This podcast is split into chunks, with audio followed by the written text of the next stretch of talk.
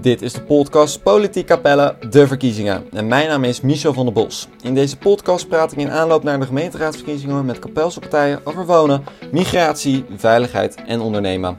Met vandaag de gast Media Actes van GroenLinks Capelle.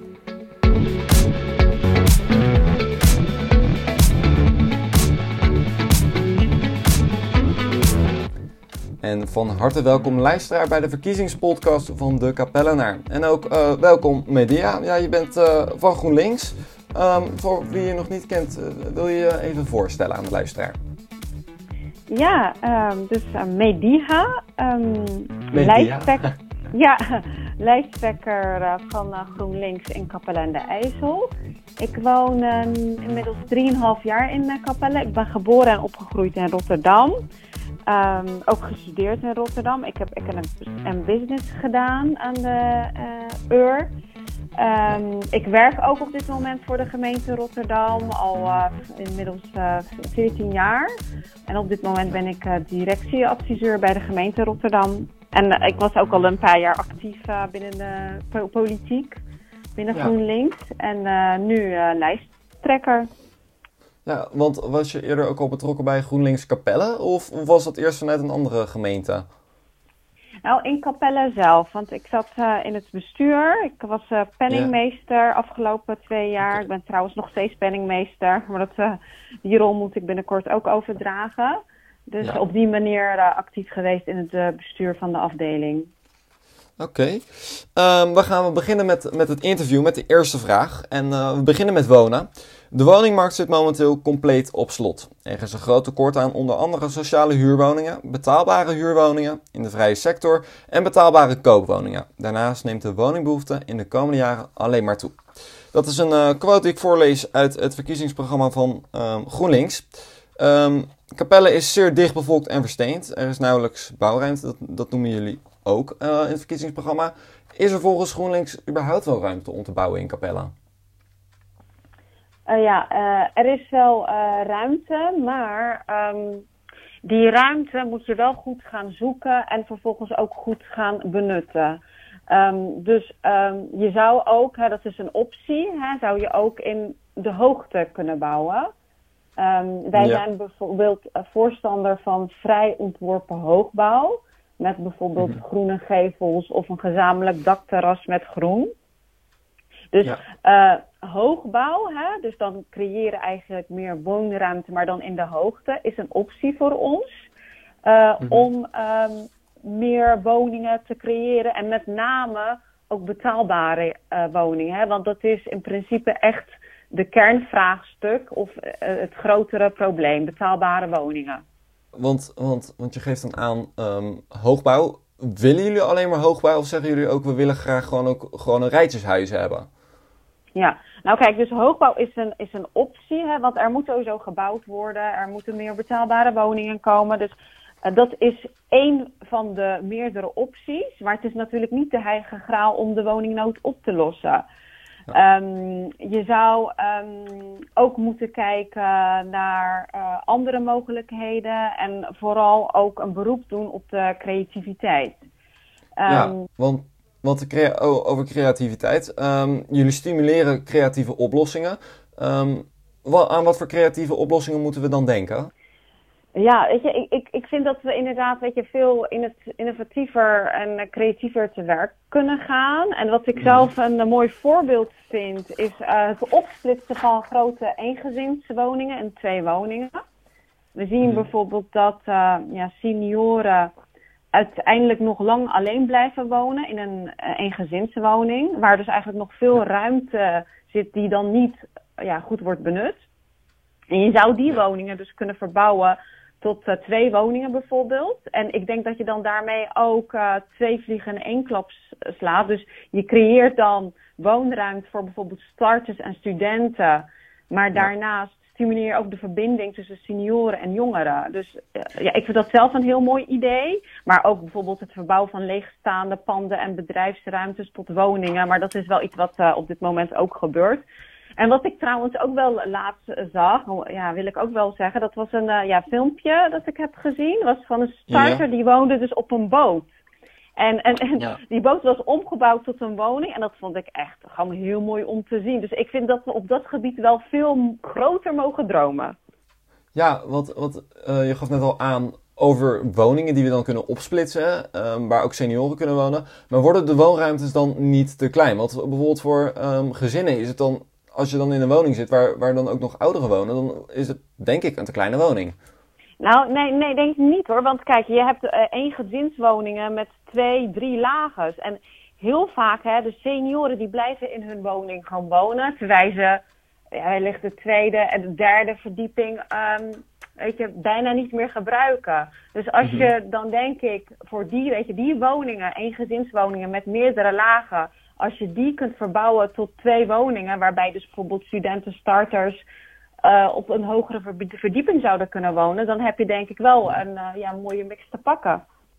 Maar wordt dan bijvoorbeeld um, willen jullie dat dan gewoon in een normaal rijtjeshuis doen? Want een, een, woonkamer, die, die is niet zo extreem groot dat er straks ook een slaapkamer en eventueel ook een badkamer in past, lijkt mij. Ja, dan eh, moeten we denk ik echt wel kijken naar de wat grotere uh, eengezinswoningen inderdaad. Dus het is ook kijken van, hey, is het wel mogelijk überhaupt? Hè? Ik denk dat je niet willekeurig inderdaad een eengezinswoning kunt pakken en zeggen van, hé, hey, hier gaan we twee woningen van maken. Nee, het moeten denk ik wel uh, gewoon wel ruime eengezinswoningen zijn. Uh, en wellicht kun je daar ook bijvoorbeeld bepaalde maatstaven voor hanteren. Dat je dan zegt, ja, alle woningen boven bijvoorbeeld, ik weet niet, iets van uh, 150 vierkante meter bijvoorbeeld, die komen ja. dan wel in aanmerking om op te splitsen. Ja, wat net was er ook benoemd, benoemd dat, je student, dat er meer studentenwoningen uh, moeten komen. Dat, dat het voor, of nou, voor studenten dat je meer woningen wilde hebben. Um, waar, waar zou je eventueel ook nog meer studentenwoningen willen hebben? Ja, nou kijk, dat vind ik wel lastig om op dit moment dan echt een plek aan te wijzen. Van daar zou uh, een mooie uh, studentencomplex gerealiseerd kunnen worden. Maar ik denk dat het bij deze vraag heel erg relevant is om voor, vooral hè, uh, als je dus eh, studentenwoningen wil gaan realiseren, om in gesprek te gaan met al je stakeholders. Uh, en dat is ook onder andere bijvoorbeeld de gemeente Rotterdam, hè, waar dus ook heel veel hogescholen, universiteiten zitten, de studenten zelf, de projectontwikkelaars. Zodat alle wensen, uh, behoeftes en uh, mogelijkheden op tafel komen. En ik ja. ben dus dan ook zelf voorstander van, van een integrale aanpak. Dus dat je ook niet, ja, niet alleen gaat kijken naar huisvesting, maar ja. ook gaat kijken naar andere facetten, bijvoorbeeld aan bereikbaarheid. Hè, van, hoe zit het met de bereikbaarheid tussen zeg maar, de hogere school, universiteit en de plek waar je die uh, studentencomplex wil gaan realiseren? En ja. hoe zit het bijvoorbeeld met sociale voorzieningen in de omgeving voor studenten? Hoe zit het met ontspanning en recreatie? Dus echt die integrale aanpak uh, hanteren. Maar hoe willen jullie dan ook rekening gaan houden met uh, andere bewoners? Want er zijn natuurlijk ook mensen die het echt niet gaan zien zitten dat er een studentenhuis um, komt eigenlijk. Jullie, uh, hoe kijken jullie daarnaar? Ja, ten eerste wil ik, wil ik zeggen, Micha, dat ik dat wel ontzettend jammer vind. Hè? Dus zodra je bijvoorbeeld uh, ja, het woord student, weet je, of studenten, of studentenwoningen, hè, dat er een soort van negatieve associatie of zo wordt, het heeft gekregen. Ja. Hè? Van net als uh, studenten voor overlast zorgen. Maar ik, ik kijk er heel anders naar. Ik bedoel, ik zou het heel mooi vinden als ik bijvoorbeeld uh, hiernaast, dat als er bijvoorbeeld internationaal studenten hiernaast zou komen wonen. Want ja. ja. vergis je niet, hè, studenten hebben wel heel veel kennis, weet je, expertise. Um, uh, ja, ze zijn bezig met hun studie. En ik, ik, ja. ik vind weet je, dat je daar ook uh, van gebruik moet maken. Dus heel die negatieve associatie moet er denk ik geloof ik vanaf. En daarnaast... En hoe, hoe willen jullie dat dan gaan doen? Die een negatieve associatie van, van studenten eigenlijk afhalen? Ja, misschien moet je ook gewoon, weet je, kijk, bij dit soort projecten, projecten ook aan de voorkant, hè, want ik vind ook dat je aan de voorkant alle stakeholders moet gaan betrekken. Hè, dus dat uh, ja. um, alle bewoners, uh, de, de, de, de, studenten, weet je, iedereen, en dat je misschien dus bijeenkomsten gaat organiseren, zodat, weet je, zodat we ook de gelegenheid krijgen om elkaar goed te leren kennen. En ja. um, en dat je dus die verbinding ook gaat verstevigen tussen al die verschillende doelgroepen. En dat moet je al, altijd sowieso doen hoor. Bij alle projecten denk ik aan de voorkant. uh, goed regelen. Alle weet je, bewoners, alle stakeholders altijd goed meenemen aan de voorkant. En ook gedurende het traject hoor. En ik denk dat je dan door middels goed contact en um, het verstetiging van de, van, de, van de verbindingen, dat je dan inderdaad een heel eind komt. Ja, um, dan gaan we bij deze het onderwerp wonen afronden met, met de studenten. Eindigen we daar dan inderdaad mee. We gaan uh, door naar het volgende onderwerp, dat is migratie. Um, een open samenleving betekent ook een gasvrije samenleving. Capelle biedt mensen die eh, op de vlucht zijn voor oorlog of onderdrukking een veilige haven. Dat, is weer een quote uit het verkiezingsprogramma van GroenLinks. Um, later benoemen jullie dat er een ruimhartig be beleid moet worden gevoerd uh, wat betreft de opvang van um, statushouders. Wat bedoelen jullie daar precies mee? Ja, um, ja dit vind ik best wel een, een gevoelig punt. Voor, vooral omdat het, ja, het de situatie, zeg maar, nu in, uh, in Rusland en Oekraïne. Um, nou, ik, ik vind dus dat, dat we als Capelle inderdaad een, een veilige haven moeten bieden voor, voor vluchtelingen. En ja, eigenlijk er alles aan moeten doen om deze mensen op te vangen. En ook vervolgens onderdeel te laten zijn van de samenleving. En uh, laatst is er in de raad ingestemd, bijvoorbeeld voor de opvang van 30 vluchtelingen. En er waren partijen die tegenstemden. Maar ik ben blij dat de meerderheid het toch anders zag en dat we een uh, opvanglocatie hebben kunnen regelen voor deze vluchtelingen. Mm en, en ja, wij, hebben, um, wij zijn bereid hè, om, om uh, ja, meer vluchtelingen op te vangen. En, en ik vind ook dat wij als gemeente onze verantwoordelijkheid daarin moeten nemen. Um, en dat betekent dus, uh, ja, hoe ik er naar kijk, niet alleen huisvesting regelen, maar ook de goede ondersteuning. Um, ja. Maar jullie vinden dan dus ook dat er een, eigenlijk een opvang, opvangplek moet komen voor vluchtelingen in Capella? Ja, dus daar dus eigenlijk een asielzoekerscentrum. Nou, weet je, dat, of dat echt een asielzoekerscentrum uh, gaat worden, dat, dat weet ik niet. Maar ik vind ook dat je dit, weet je, dit is natuurlijk heel vaak uh, komt het uit vanuit het landelijke. Dan is het een landelijke opgave en dan wordt een beroep gedaan op uh, alle gemeentes om vluchtelingen op te vangen. En wij moeten denk ik wel, hè, als die vraag komt, dat we die vluchtelingen inderdaad met uh, open handen gewoon hier ontvangen. En dan ook gaan nadenken, hey, hoe gaan we die opvang dan uh, regelen? Ja, wat, wat, jullie geven ook aan dat er aandacht moet zijn voor talenten, maar, maar ook voor de bagage. Vinden jullie dat, dat er nu, dus de bagage die de vluchteling meeneemt, dus denk aan trauma's, um, vinden jullie dat daar nu te weinig aandacht voor is? Uh, ja, want kijk, weet je wat het is met, um, als het gaat om vluchtelingen, dan zie je heel vaak hè, dat de aandacht, de volledige aandacht eigenlijk gaat naar huis, huisvesting.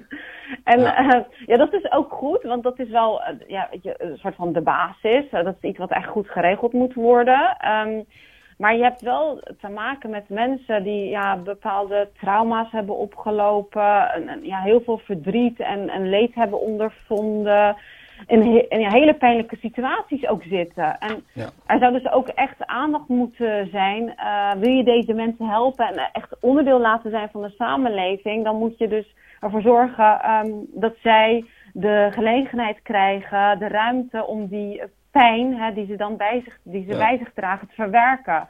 En daar zou je dan. En aan, wat voor aandacht denken jullie dan? Oh. Oh, ja, ja wat, wat, voor aandacht denken jullie? Ja, dus dan uh, zou je dus denk ik toch wel uh, ja, speciale hulp daarvoor moeten inzetten. Dus uh, ook echt mentale hulp.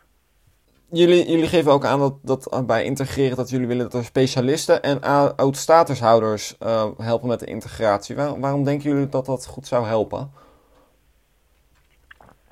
met integratie? Ja, ik, ik ja. denk dat gewoon iedereen die in Nederland woont. Um, een verblijfsvergunning heeft, die zou actief moeten deelnemen aan de samenleving. En wij als gemeente, denk ik, moeten gewoon die mensen um, ondersteunen op dat gebied. En goed kijken wat ze nodig hebben. Want huisvesting, dat is natuurlijk de, de basis. En basisinkomen is de basis. Maar daarnaast, dat zijn weet je, mensen die ook talenten hebben. Hoe kunnen we ervoor zorgen dat we ook hun talenten kunnen, kunnen benutten? Of dat zij hun eigen talenten natuurlijk kunnen, kunnen benutten. En um, uh, zodat ze ook weet je, een meerwaarde kunnen creëren. Um, en, en het is natuurlijk altijd een, een win-win situatie hè, in, de, in, dit soort gevallen. Want um, die mensen hebben ook behoefte aan een bepaalde structuur. Zij willen ook heel graag bijdragen aan de samenleving. En daar vind ik ook dat wij ons En dat wij als gemeente ja, hen ja, op, in dat opzicht wel moeten gaan helpen en kijken wat hebben ze nodig, zodat ze verder kunnen komen in de samenleving. Ja, um, dan hebben we ook natuurlijk nog de statushouders. Um, dat zijn dus de mensen die uh, definitief eigenlijk een verblijfsvergunning hebben.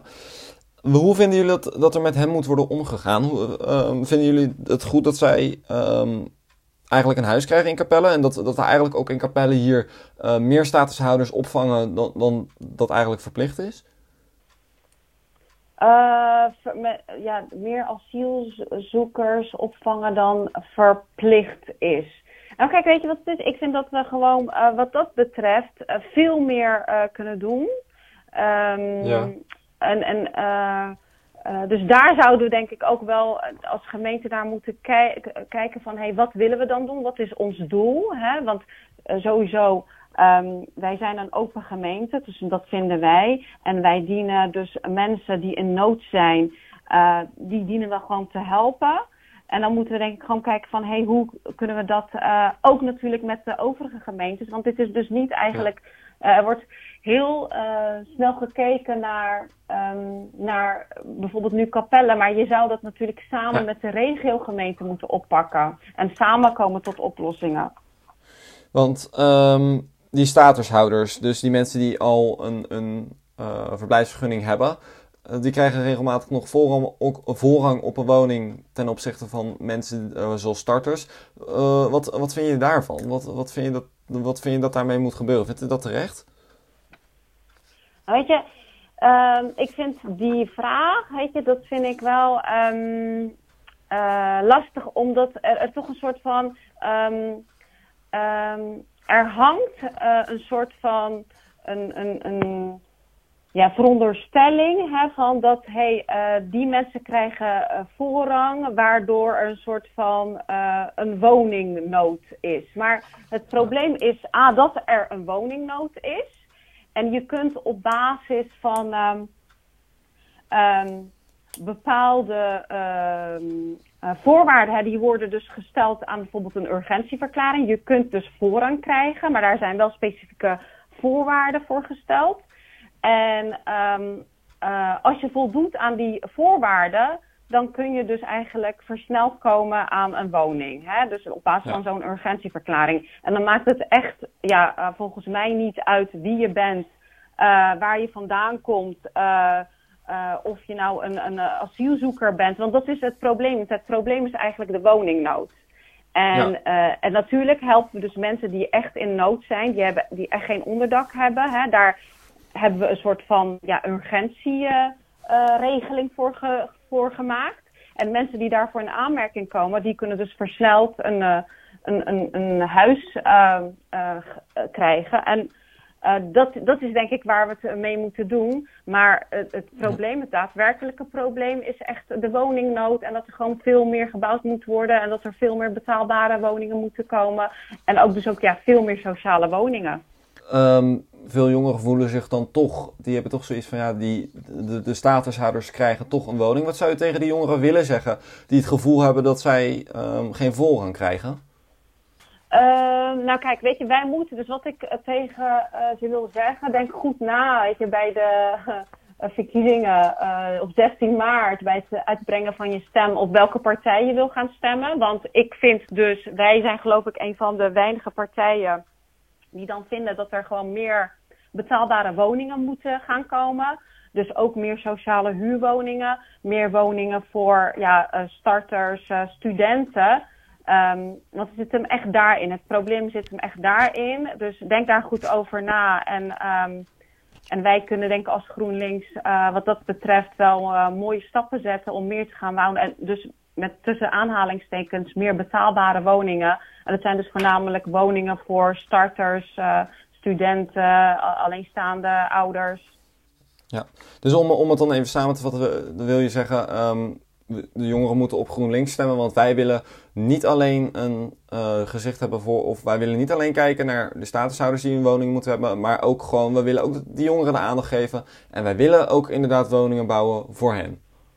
Ja, klopt. Dus betaalbare woningen. Hè? En, dat, en inderdaad betaalbare woningen. En dan, als je dan kijkt, dat zijn voornamelijk natuurlijk uh, ja, ja, voor mensen met lage en middeninkomens. En dat zijn de starters, de studenten, de, de, de alleenstaande moeder of alleenstaande vader. Dus uh, voor die uh, inderdaad, um, voor die bewoners kunnen we denk ik echt wel wat betekenen.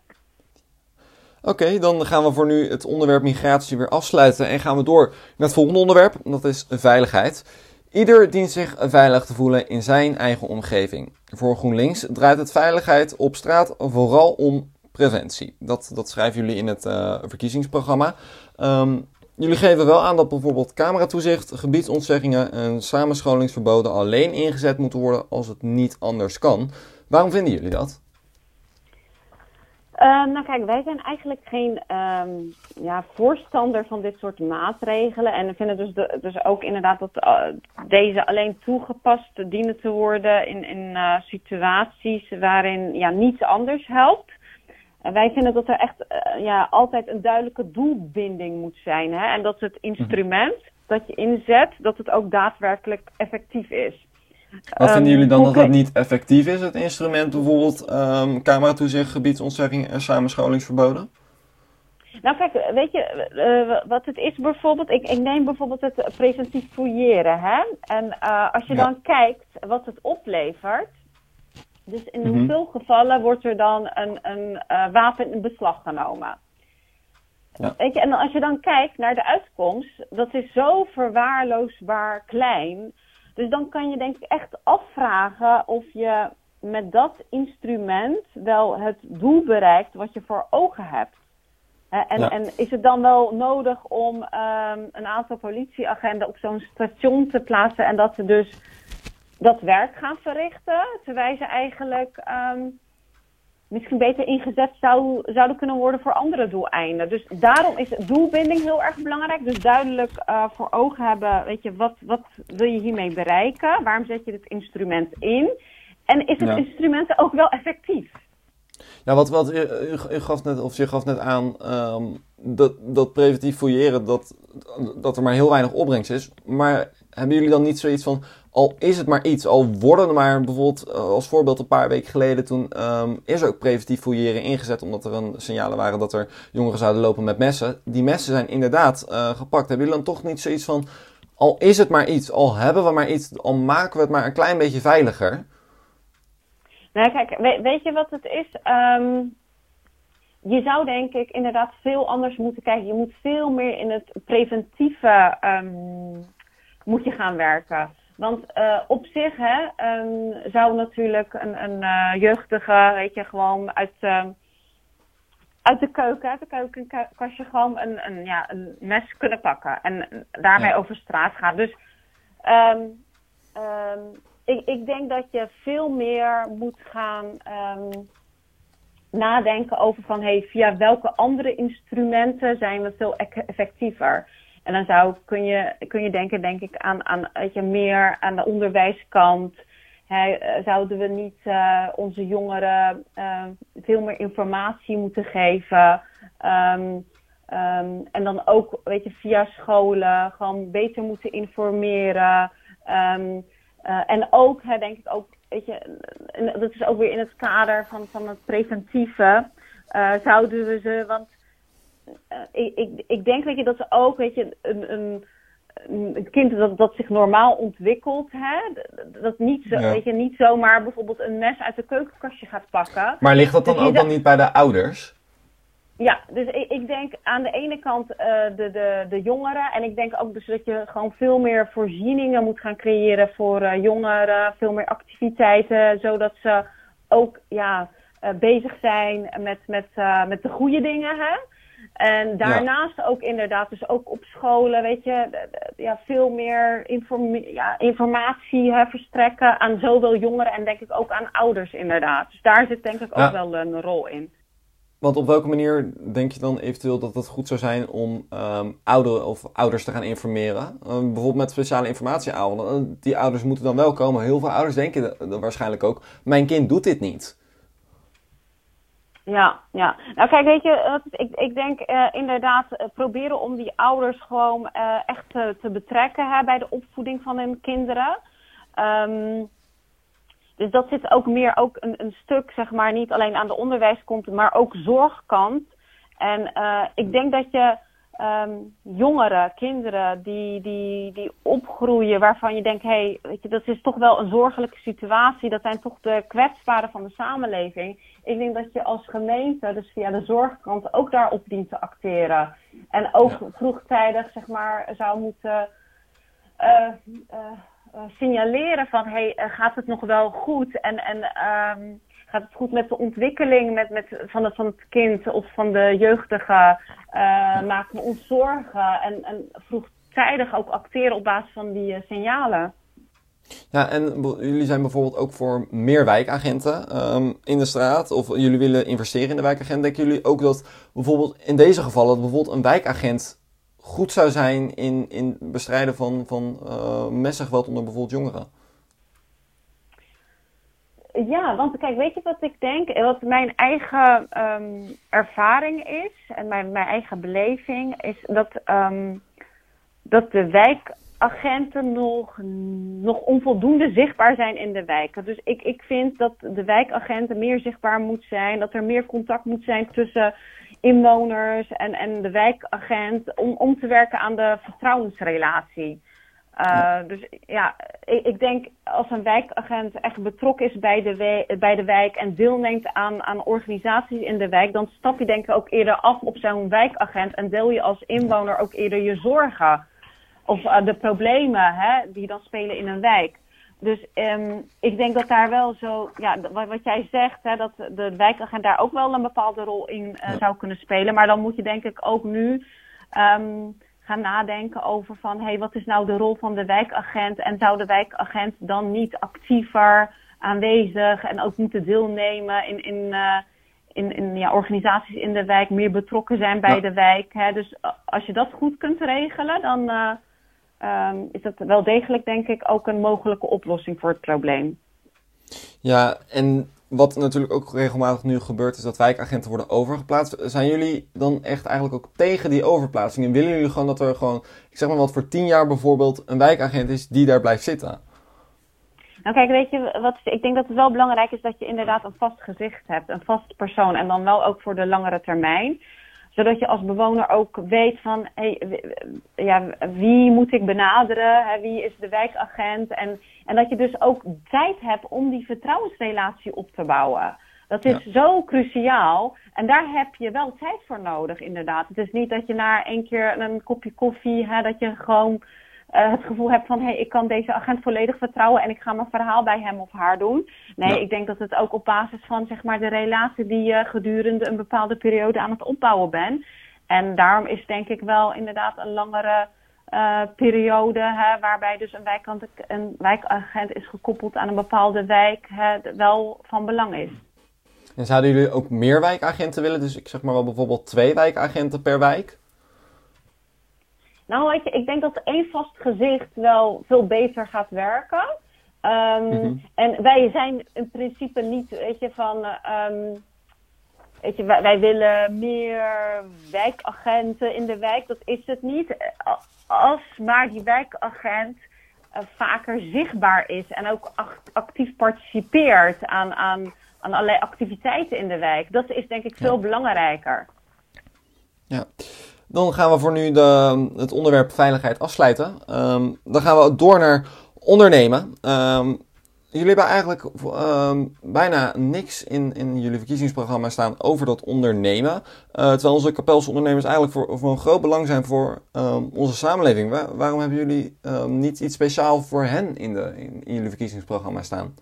Ja, nou we hebben inderdaad niet een apart kopje hè, specifiek voor kapelse ondernemers in het verkiezingsprogramma staan. Maar er staat wel degelijk in wat onze beelden zijn en hoe we ondernemers vanuit de gemeente zouden kunnen ondersteunen. En we koppelen mm-hmm. die ondersteuning wel ook uh, aan de verduurzaming, omdat gewoon op dat gebied ja, heel veel kansen liggen. Um, wat we bijvoorbeeld wel hebben opgenomen is dat. Um, Um, ja, dat we vinden dat de gemeente een actieve rol zou moeten hebben om ondernemers te informeren over kansen en, en opbrengsten van verduurzaming. En ook ja. uh, hen dus actief zou moeten benaderen daarvoor. Maar ook bijvoorbeeld. Maar dat is in, in eh, principe niet echt helpen. Want bijvoorbeeld ehm, andere partijen die willen natuurlijk um, ervoor zorgen dat ze bijvoorbeeld door corona, dat ze daardoor extra geholpen worden, dat ze steunmaatregelen krijgen, dat er uh, op andere manieren naar gekeken wordt. Want nu wordt er eigenlijk weer door de gemeente iets gedaan. Terwijl um, het kan ook zo zijn dat jullie bijvoorbeeld zeggen, wij willen, we willen met hen echt gaan praten over dingen van hoe wij hen kunnen helpen. Ja, nou, dat zijn eigenlijk twee, twee dingen. Want uh, even nog mijn verhaal uh, af te maken. Want wij willen, dus wat we ook bijvoorbeeld in het verkiezingsprogramma hebben opgenomen, is dat we middelen beschikbaar hebben gesteld voor start-ups en initiatieven in de duurzame economie. Waar dus ook onder, ja, waar ondernemers gebruik van kunnen maken. En als je het hebt over steunen in de coronaperiode. Want um, uh, ja, we hebben dus gewoon gezien hè, dat de, de, horeca, de culturele sector, uh, sector en, en ja, de specifieke bedrijfsgroepen als ZZP'ers bijvoorbeeld, hè, ja, die hebben nadelige gevolgen ondervonden van de contactbeperkende maatregelen. Maar daar hebben we natuurlijk die la landelijke maatregelen voor, die dan de gemeente uitvoert, zoals de TOZO, de middelen voor de cultuursector die dan beschikbaar zijn gesteld. Um, en wij vinden dat dat. Um, uh, want dat hebben we natuurlijk als gemeente uh, ook uh, uit, uitgevoerd. Maar dat zijn wel dingen die dan, weet je, gewoon wel relevant of heel erg gericht zijn op de korte termijn. En wij als gemeente, wij vinden wel dat er een visie moet komen op herstel en vernieuwing van de Kapelse economie. Dus dat er, ja. ja, welke sectoren gaan groeien in de komende periode? Waar liggen de kansen voor ondernemers? En daar dien je wel als gemeente op te sturen, op, die, op, de, op een soort van een samenwerking tussen het bedrijfsleven, de, de kennisinstituten, de universiteiten, ja, dus ook ja. de gemeente. En samen ook bepalen wat, er, wat is er dan nu nodig. Ja, jullie vinden dus wel als partij dat, dat er gekeken moet worden naar Um, wat kunnen we voor die ondernemers doen om hen de komende tijd te helpen? Want ze moeten toch nog een, een, moeilijke periode doorstaan. Ja, zeker, zeker. Want we hebben dus inderdaad die landelijke maatregelen, maar dat gaat ook op een gegeven moment stoppen. En dan moet je daarna vervolgens inderdaad als uh, gemeente gaan kijken, hey, wat kunnen we doen? En ook in het kader van zeg maar vernieuwing van de Kapelse economie en het herstel, hey, wat kunnen we doen? En dan kun je denk ik A, als gemeente ook um, gaan sturen om zeg maar al ja, de, de, de kennis, hè, vanuit de universiteiten, uh, vanuit het bedrijfsleven, die moet je eigenlijk gaan bundelen en samen kijken wat is er dan nodig om het herstel en die vernieuwing te realiseren en de kansen die er dan ook liggen goed te benutten. Oké. Um, dan ook iets wat natuurlijk hier in Capelle best wel speelt, is een zondagsopening. Hoe, hoe kijken jullie daarnaar? Bijvoorbeeld het CDA, de SGP, um, de ChristenUnie, die willen natuurlijk het behouden zoals het nu is. Andere partijen zoals BVNL, um, Leefbaar Capelle, die willen dat, dat gewoon ondernemers zelf mogen bepalen. Hoe kijken jullie daarnaar?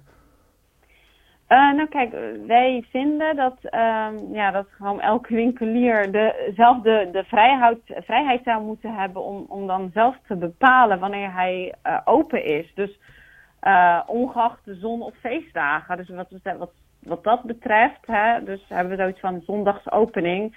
Um, zolang de ondernemer dat zelf wil, moet uh, hij of zij dat vooral gaan doen. Oké. Dan sluiten we voor nu ook het eh, onderwerp ondernemen af. En dan is dit ook gelijk het einde van de podcast Politiek Capelle de verkiezingen voor vandaag met GroenLinks. Dank aan mijn gasten Media Actes van uh, GroenLinks uh, voor je aanwezigheid. En het hele verkiezingsprogramma van GroenLinks lees je op capelleadenijssel.groenlinks.nl. Bedankt voor het luisteren en dan wens ik je nog een hele mooie dag.